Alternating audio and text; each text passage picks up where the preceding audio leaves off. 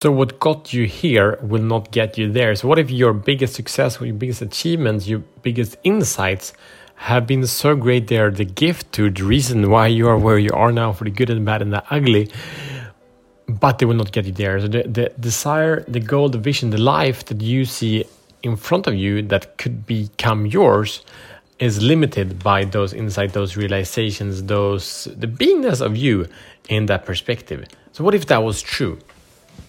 So today we're gonna dive in and we share some examples that are really powerful, how we can shift this and make this work for us, how we can make us work for ourselves and come over this thing because it's all about speed. So so depression means deep rest and and deep uh, rest are when we are identify with the old ideas, with the old structures, instead with the new thing that makes us come alive, makes me us come as free beings. So, welcome to Show the Fuck Up Minute. This is the show that frees men from the uh, prison of playing small and live life beyond compromise of purpose, passion, power, and profit. Let's go. So, this is a conversation I had this morning on a, a mastermind, an amazing mastermind, amazing people, and so much fun. I always spoke about this and twisted and turned uh, upon this and had some deep insights about what this means for me, and I will share a couple of them. Um, and partly I, I, shared with you a couple days ago about like we're making some some pivots in with this show and some things new things are coming up. And i got some great support during this mastermind on showing how things can be new. And and really the, the power of this that i also shared a little bit about a couple of days ago is that how fast are you down? How fast are you beaten down? How fast how long time do you experience that you're in the struggle or failure or overwhelm? I've been there the past days uh, a little bit. And now i'm just getting bunch bunch huge amounts of support. And i ask these questions like showing up vulnerably. I i had a conversation with another group uh, another mastermind yesterday. And they like in the end one of the harvests from one of, of, of my friends and it's like thank you for being vulnerable. To me it's like so how are you showing up with that? How, how, fast are you coming through these things? Like, hey, this sucks. What what was on the other side? So it's like in in the idea that I've been playing with forever. It's like, okay, I need to be perfect. I need to be strong. I need to be, have all the answers. But when that is the thing, I do not see the truth. I do not see the facts in my life. Meaning, I live in denial. I live in a world of of of, of made up shit, right? And then I'm stuck in those old ideas of having to be wrong, right, and prove uh, the world that I am the best. You know. So another example of this is um, yesterday. I have this this cool app. I have a bunch of workout apps, more than probably fits on my phone, but they guide me, they support me. They they are my workout coaches, and I have a few. They are really good, and I was looking for a new program. This app has a lot of different programs. I can sign up for you know three weeks or four weeks or five weeks or whatever it is. Let's see what what app is called here, so you can get it as well if you want it. Let's see if this works now.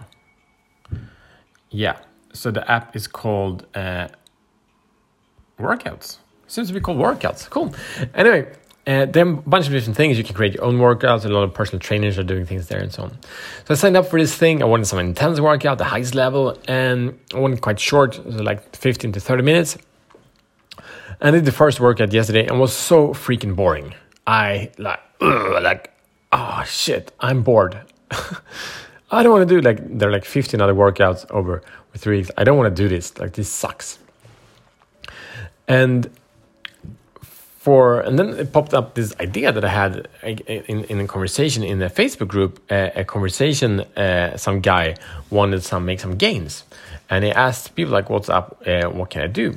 And they recommended this kind of program. It doesn't really matter what the program is you can you can ask if you really want to know. But the point is that that I was like, screw this program. What is the thing that I want to do? What's the thing that inspires me? Um, so it took me, you know, from I did, did it and it's like this sucks. I recognized this quickly, and to to set up a new program took you know it took a couple of hours, but it didn't take much time in, in energy. And for me, this is the power. I'm really, really grateful to kind of have that muscle getting more and more trained far from perfection, but it's getting more and more trained to do that pivot, to do that evolution, meaning that the, the workouts that got me to that point will not get me to the next point. So, that, what is that workout? What is that speed of realization that this is not the right thing? Uh, I need something else.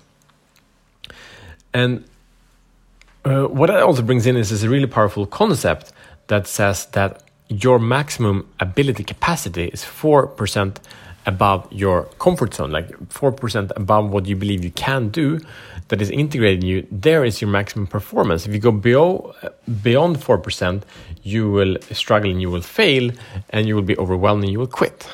But like for me, the workout yesterday was below my my four percent. Was probably at like seventy percent or something like that. So I got really bored and, and, and wanted more challenge there.